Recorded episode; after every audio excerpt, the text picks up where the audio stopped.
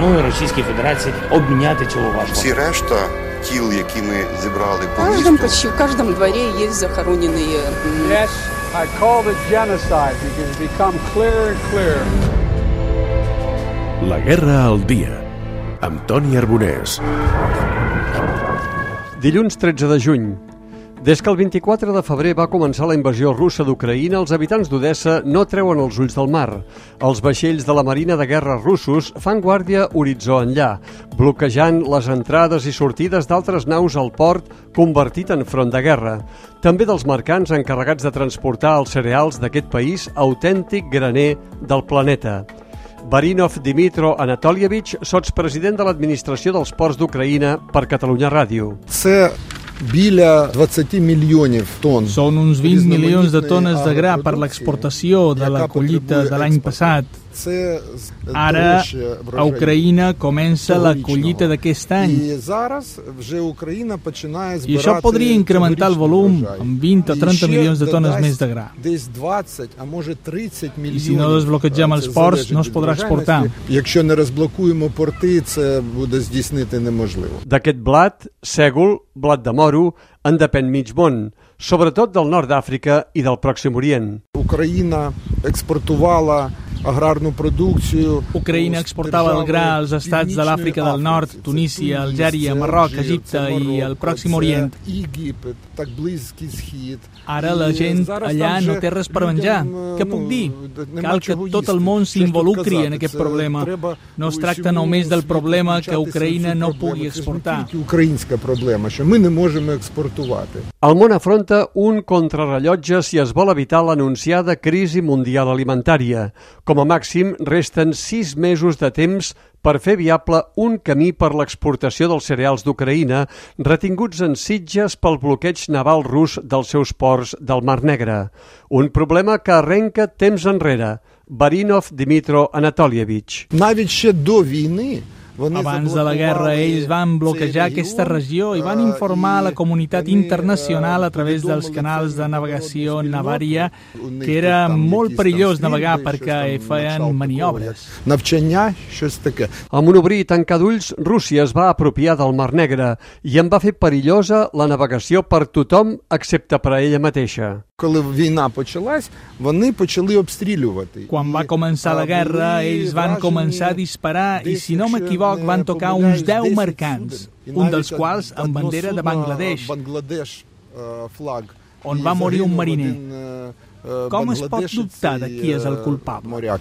Моряк. М, Тобто, які можуть бути питання, хто обстрілює Després va venir el bloqueig de ports. В Україні е, взагалі було 18 En total, a Ucraïna портів hi havia було 18 ports. захоплено El 2014, Росією Rússia en va Криму. ocupar Ще, 5 е, a Crimea. 2014 році. Ara han Вже ocupat зараз temporalment вони 4 ports захопили més, тимчасово Mariupol, окупували ще Бердянськ, чотири порти. Херсон Це i Маріуполь, Pescadors. Бердянськ, Херсон та Скадовськ. A l'ocupació s'hi afegeix el minat del Mar Negre. Шість портів е, Миколаївського е, регіону. Sis та ports de la regió de Одеського. Mikolayev Ми i це d'Odessa, називаємо els que s'anomenen Велика Gran Одеса, це Odessa, que són el Південний port del Одеса sud та i Chornomorsk, estan заблоковані bloquejats per vaixells de guerra russos російськими military ship, i una part е, і del nord-est del Mar замінована Negre частина està minada, és a dir, els vaixells no hi poden ni entrar ni sortir. Тобто не може судна не зайти, не вийти. Segons algunes informacions no contrastades aparegudes en alguns mitjans, s'han arribat a detonar mines desancorades i arrossegades per les tempestes lluny d'Ucraïna. Què fa el món per evitar el desastre? Є е, зусилля з боку ООН, Hi ha з esforços боку, per part de е, l'ONU i наших per part dels сусідів nostres по veïns a la Чорноморському costa del Mar Negre, басейну, Turquia, тобто Romania, Турція, Bulgària, Румунія, i ells estan Болгарія, elaborant algunes і variants вони per desbloquejar els напрацьовують ports, якісь там però варіанти, la meva opinió щоб personal створити, és que això розблокувати no es порти. pot fer sense Але Ucraïna. моя особиста думка це те, що цього не можна ну, в будь-якому разі робити без України. Ucraïna ha de jugar un paper principal, reclama Dimitro Anatolievich, i ha de disposar d'armament pesant per poder defensar els seus interessos i garantir la seguretat del transport marítim pel Mar Negre, on Rússia imposa la seva llei sense embuts.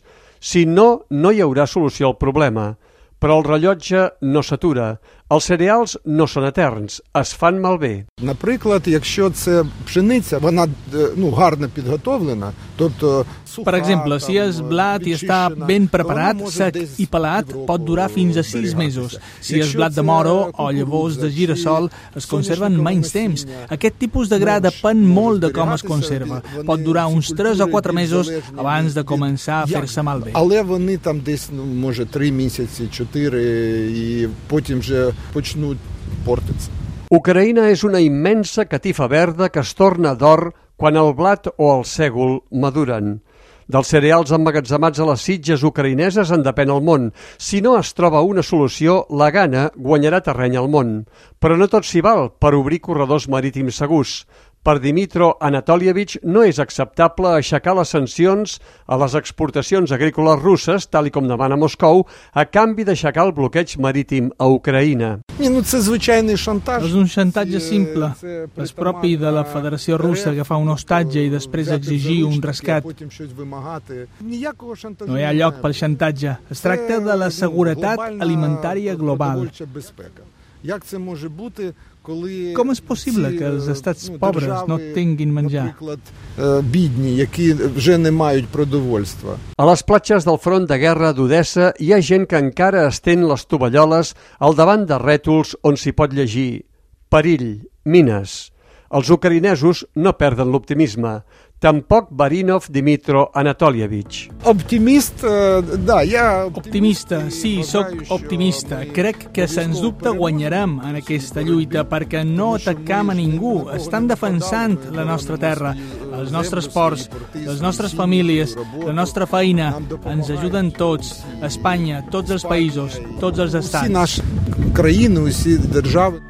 La guerra al dia és un podcast dels enviats especials de Catalunya Ràdio a la Guerra d'Ucraïna, Toni Arbonès i José Antonio Muñoz.